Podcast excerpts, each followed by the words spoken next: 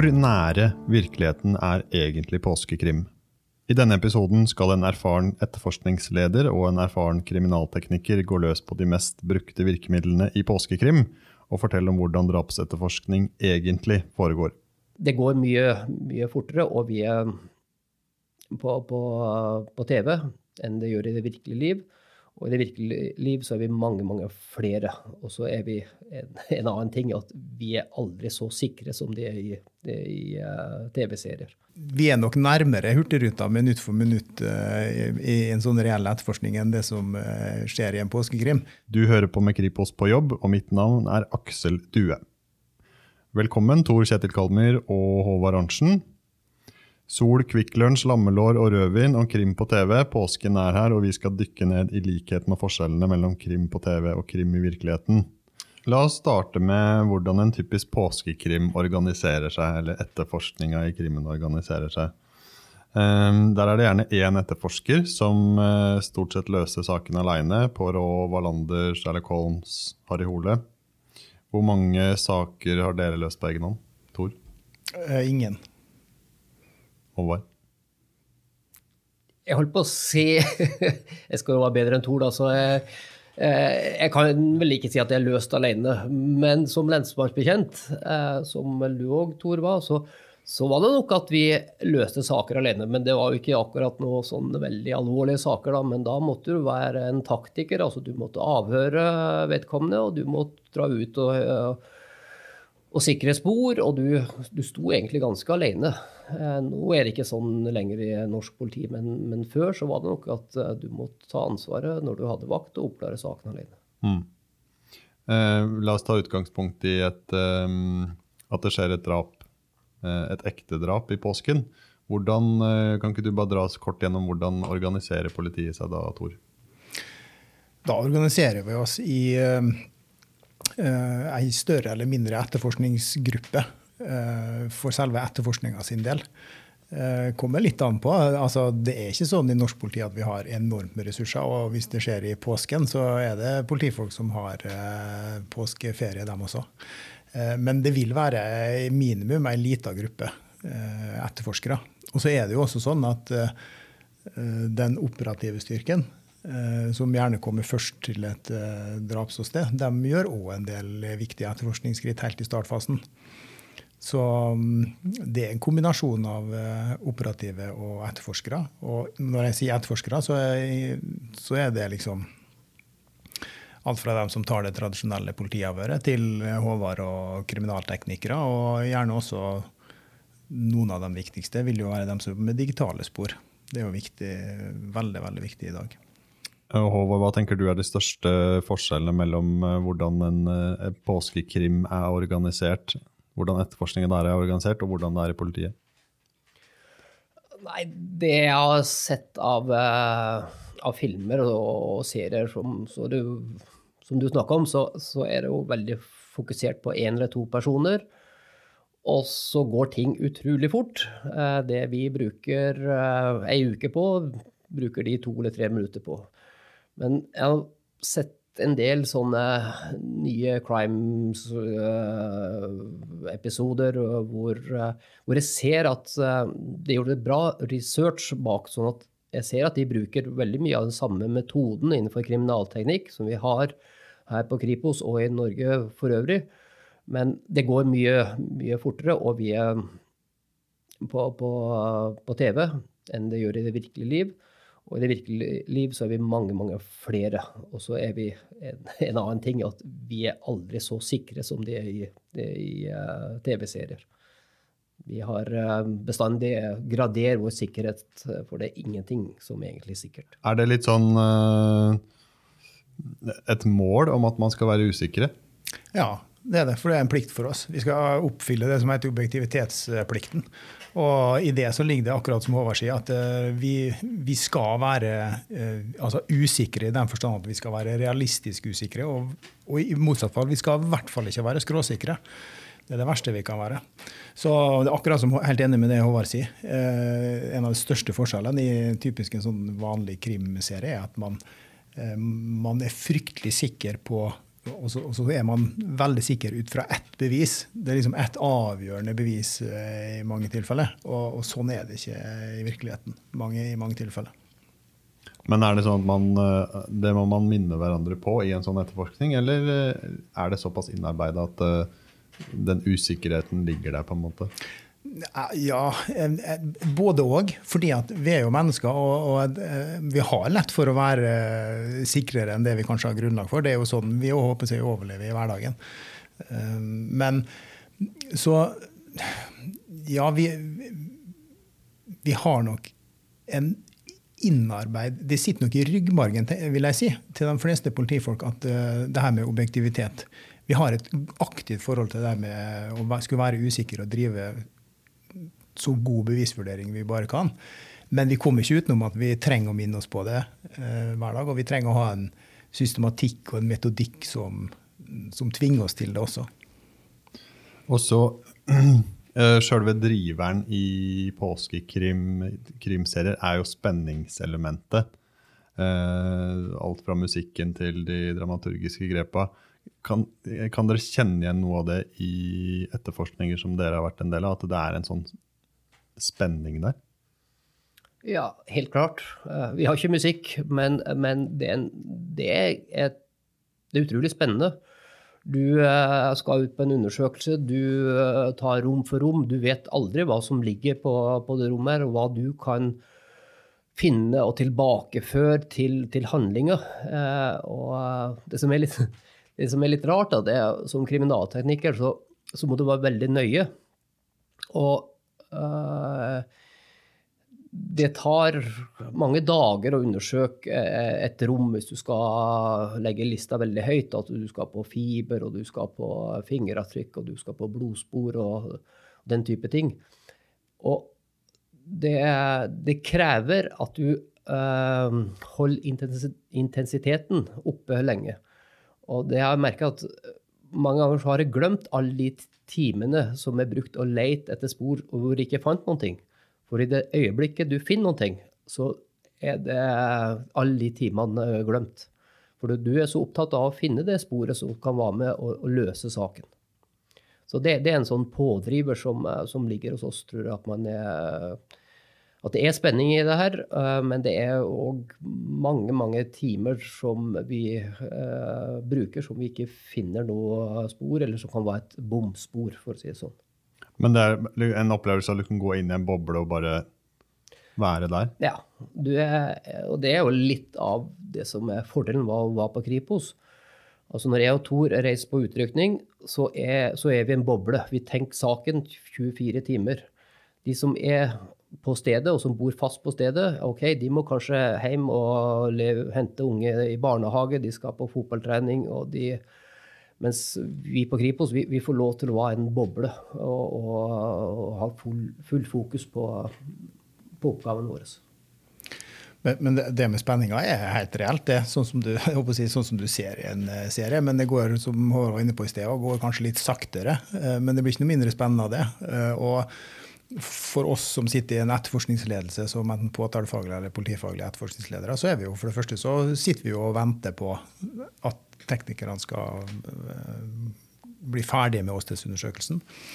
Eh, og som regel så finner de jo eh, ett eller flere spor som vi i hvert fall kan si det her er interessant. Og da går vi jo inn i en ny fase. Da skal vi jo begynne å vente på å få resultatene igjen. Og det kan jo ta flere dager, det òg. Eh, så vi, har, vi kan ha nokså mye stor spenning over nokså lang tid. Og så, og så, skal jeg legge til at det er eh, hva skal jeg si, Vi er nok nærmere Hurtigruta minutt for minutt i en sånn reell etterforskning enn det som skjer i en påskekrim. Som Håvard sier, der skjer jo ting på minutter, liksom, og sånn er det ikke. Men det skal være sagt at hvis vi har behov for, og saken er alvorlig nok, så greier vi å få Eh, f.eks. DNA-resultat eller eh, vurdering av et fingeravtrykk. Eh, det kan vi få relativt raskt. Ikke på noen minutter, men innenfor noen få timer. Så vi har muligheten. Um, jeg bare kom på det nå. Sånn, en, typisk, det er jo, en typisk scene er jo på likhuset hvor uh, liket skal obduseres. Uh, og da er ofte hovedetterforskeren der. altså det som er Thor i virkeligheten, da. uh, gjøres det sånn i det virkelige liv? Nei. Eh, det er veldig, veldig eh, sjelden. Eh, og én ting er på, på obduksjon, og, men en annen ting er på et åsted. Altså, jeg, jeg, liker ikke, og jeg vil ikke, at etterforskningsleder skal komme på et åsted vi, mens vi holder på. Men det er vel at etterforskningsleder skal komme når vi har kontroll på sporene. For det man er livende redd for, det er at uh, å tilføre åstedet nye spor. Og for hver eneste person som kommer inn, så, må, så er det sannsynlighet for at du kan overføre spor. Det har med hår som faller av, det har med at du snakker, det kommer spytt ut av munnen din som blir epitellceller som kan tilbakeføres. Eh, men det, jeg setter veldig pris på, det er at uh, når vi er ferdig med undersøkelsen, og istedenfor at jeg viser bildene til, til, til Tor, se her, se her, så skal Thor heller komme ut, fordi du får en helt annen forståelse av åstedet. Det handler om at det, eh, du ser ting mye bedre. Det, det har med en liksom følelse på, på, avstand. Bilder greier aldri å gi oss det, den, samme, den, samme, følelsen som å være på et, på et åsted. Jeg er jo ikke uenig med Håvard. Eh, helt enig i det han sier, for det er helt prisgitt. Eh, for vi kan, vi kan ikke bedrive sånn åstedsturisme, som det heter. Vi skal ikke ut bare for å se at det, fordi at det er spennende. Men som politifaglig etterforskningsleder så mener jeg det er viktig. Jeg, jeg reiser I alle saker som jeg bare har praktisk mulighet, så reiser jeg ut på åstedet. Men ikke nødvendigvis for å forstyrre dem og kle på meg, skal ha på meg en hvit dress og inn og kikke, liksom. Eh, men om ikke annet så har jeg i hvert fall vært så nære som jeg kan. For det er viktig å få et inntrykk av forholdene, som, som Håvard sier. Det kan være så enkelt som at man ser for seg avstander og vinkler på, på ting i forhold til hvordan ting virkelig ser ut. Men det kan òg være så, noe så kjedelig som at Eh, det er greit å ha et øye for at hvis de skal jobbe der over lengre tid, så er det faktisk eh, min oppgave å sørge for at de eh, får en do dit, eller praktiske ting som gjør at de faktisk kan, kan gjøre jobben òg. Litt sånn mm. HMS-perspektiv i det, faktisk. Det er ikke så mye av det krim, påskekrim? HMS-perspektiv og toalettfasiliteter? Nei, det, det tror jeg ikke ikke er så interessant å se på. Men bare sånn kuriositet, da. så en ting er jo etterforskningsleder, da, men jeg tror at jeg har vært og besøkt alle politidistrikt eh, eh, den gangen det var 27 politidistrikt. Eh, og jeg vet en gang at politimesteren kom, kom ut på åstedet for å, for å, sette seg inn i hva som har skjedd der, og hva Kripos-teknikerne fant ut. Og det var Kjetil Høkås, som eh, etter hvert ble, ble, sjef på Kripos, og nå er NK på Kripos. Og jeg tenker at det er litt greit at uh, i spesielle saker at ledelsen òg kommer ut og ser litt hva, hva mannskapene holder på med. For det er, det et HMS-perspektiv uh, i det her, og spesielt hvis vi har uh, f.eks. store ulykker med, med mange døde. Vi skal litt mer inn på det etter hvert. Men, jeg, tror, ja. men, jeg må bare si at i, sånn i virkeligheten så er det på ett punkt vi, vi gjerne kunne ha, ha nærma oss litt mer påskekrimmen. Og det går på min rolle som, eh, som taktiker og politifaglig etterforskningsleder. jeg mener jo at taktisk etterforsker eller den etterforskningslederen i mye større grad i alvorlige saker bør være med på obduksjonen. Selvfølgelig som en observatør, men det kan være ting der for det første som er greit for å, å, å få erfart direkte som den eh, lederen av etterforskninga man er. Og så kan det være at man har informasjon fra den taktiske etterforskninga som er viktig for dem å vite under obduksjonen. For obduksjonen, altså liket, er et av de mest sentrale sporstedene selvfølgelig i en drapssak som finnes. Så jo flere og jo mer informasjon man har når man gjør den undersøkelsen, jo bedre er det jo. Så der burde vi ha vært litt flinkere. Det er jo ålreit å kunne hente litt inspirasjon nå, ikke bare avvise alt som uh fantasi og fiksjon. Um, vi skal gå eh, litt videre. Altså, det, dere var inne på det at det, i, i påskekrim og, og krimserie så går det kjapt. Mens i virkeligheten så tar ting tar tid. Prøver skal analyseres, og det sitter og venter på svar, og man skriver rapporter. Og... Men den første timen, da går det kjapt. Ja, da bør det gå kjapt. Eh, den første timen, den gylne timen, eh, the golden hour som det heter i politilitteraturen, er jo helt avgjørende. Fordi fra politiet får meldinger om eh, hendelsen, og noe, noe har skjedd, så jo raskere vi da iverksetter de tiltakene vi, for å sikre spor, jo viktigere er det selvfølgelig.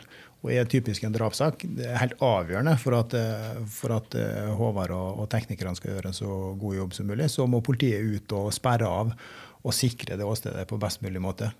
For ellers så vil jo grunnlaget og de sporene de eh, finner, kunne være enten være ødelagt eller i hvert fall forstyrra eller forurensa. Så den her, noe så kjedelig som en informert eh, politimann, det vet jeg alt om sjøl. Å stå vakt på et åsted, det er jo dørgende kjedelig, men en vanvittig viktig funksjon. For ellers så detter alt.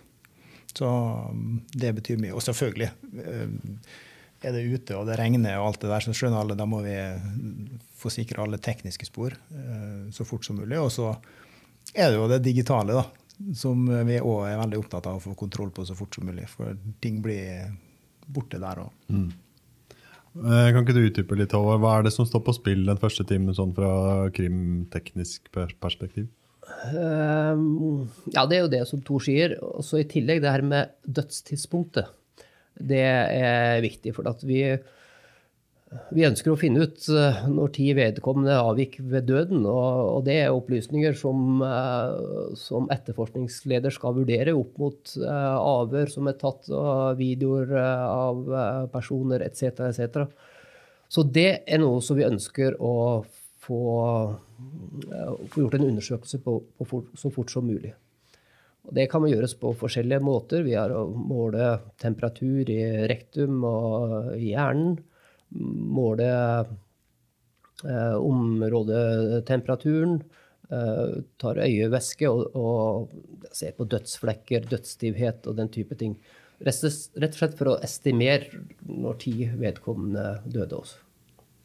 Så det, Den tenker jeg i tillegg til selvfølgelig det med å beskytte sporene og ikke tilføre spor. Det bare slår meg nå når Håvard prater, det er jo en annen ting som skiller seg veldig fra påskekrim. Det, det, der får jeg inntrykk av at eh, der kan man liksom si at uh, dødstidspunktet det var klokka 14.17. Uh, det er veldig sånn nøyaktig. Sånn er det ikke i virkeligheten. Eh, ut fra rettsmedisinske og, og, kriminaltekniske spor. Altså Har vi på video eller et eller annet og ser hva som har skjedd, så blir det noe helt annet. Men, men å kunne vurdere dødstidspunktet ut fra en Obduksjonen skal jo klarlegge, klarlegge to ting. Dødsårsak og dødstidspunkt, hvis det er mulig å si noe om det. Og det er ingen sånn eksakt vitenskap som det kan fremstå på, på påskekrim. Hvor nøyaktig kan man, eh, kan man liksom Snakker man én time, eller hvor nøyaktig kan man fastslå dødstidspunkt? Det, det, altså, det kommer an på hvor mange parameter du har. Altså, et, et, parameter er jo temperaturfall i kroppen. og hvis så så tar man øyevæske og finner ut og, uh, nedbryting der, så er det et annet para, parameter. Og så har man kanskje det her med dødsstivhet.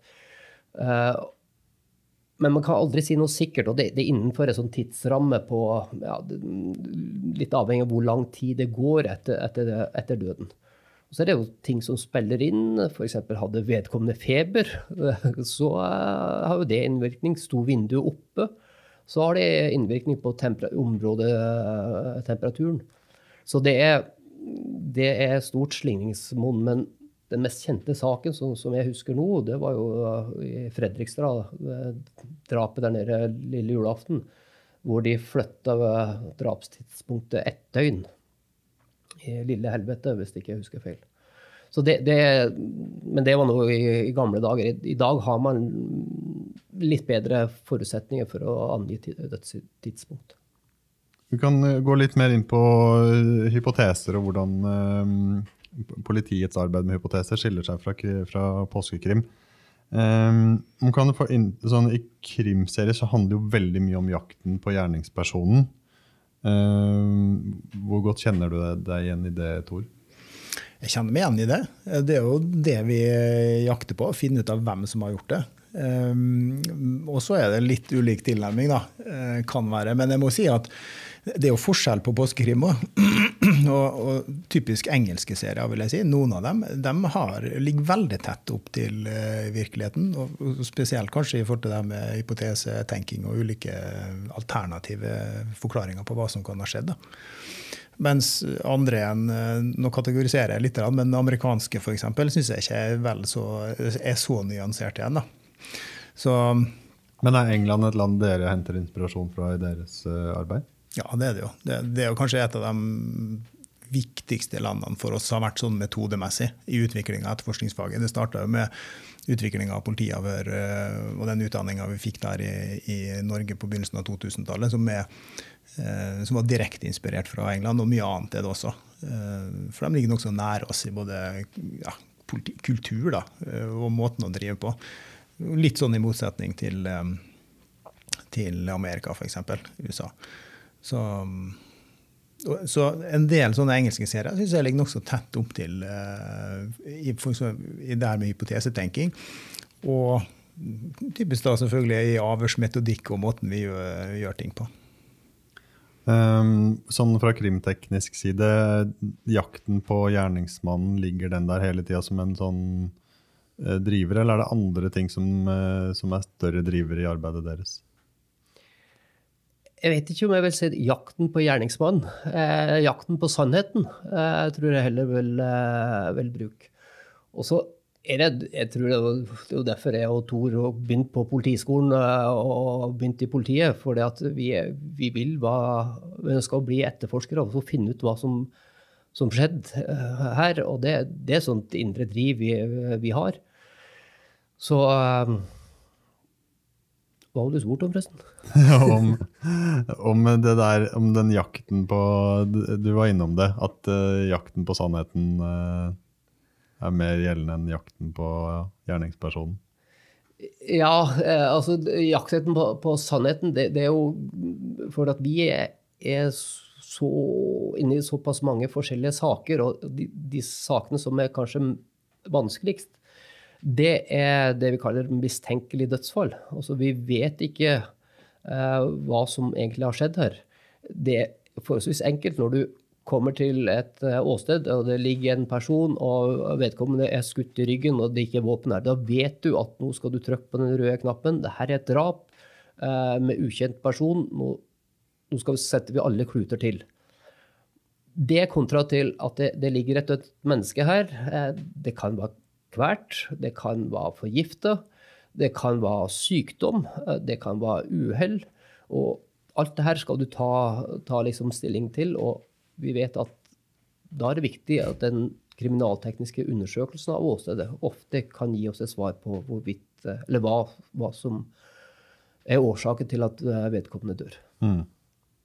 Um, det der med å liksom sjekke like mye sånn finne ut av er det noe som taler mot at han er gjerningsperson, som at man bare jakter liksom, positive svar på hvorfor han eller henne har gjort det? Det, det var det jeg skulle si. at uh, Når du sier jakten på gjerningspersonen, så tror jeg det er, for vår del så er det enda mer presist å si at vi, vi jakter på aktuelle personer. Uh, og man kan godt ha et mistankegrunnlag som, eh, som, er over det som vi kaller forskjellig grunn til mistanke, f.eks. Det her med at det er mer, mer, sannsynlig at vedkommende har noe med det å gjøre enn ikke. Men det er langt derfra til at man eh, blir dømt for det. Eh, altså oppfyller beviskravet for, for, skyld. Så ja, vi er på jakt etter aktuelle personer, men, men i det her med hypotesetenking eh, så det, ligger det, det aller viktigste er at vi er så gode på å finne spor, eh, for det er vi faktisk, eh, sånn både kriminalteknisk og på alle andre måter, at det er ofte ikke så, så vanskelig å finne bekreftende spor.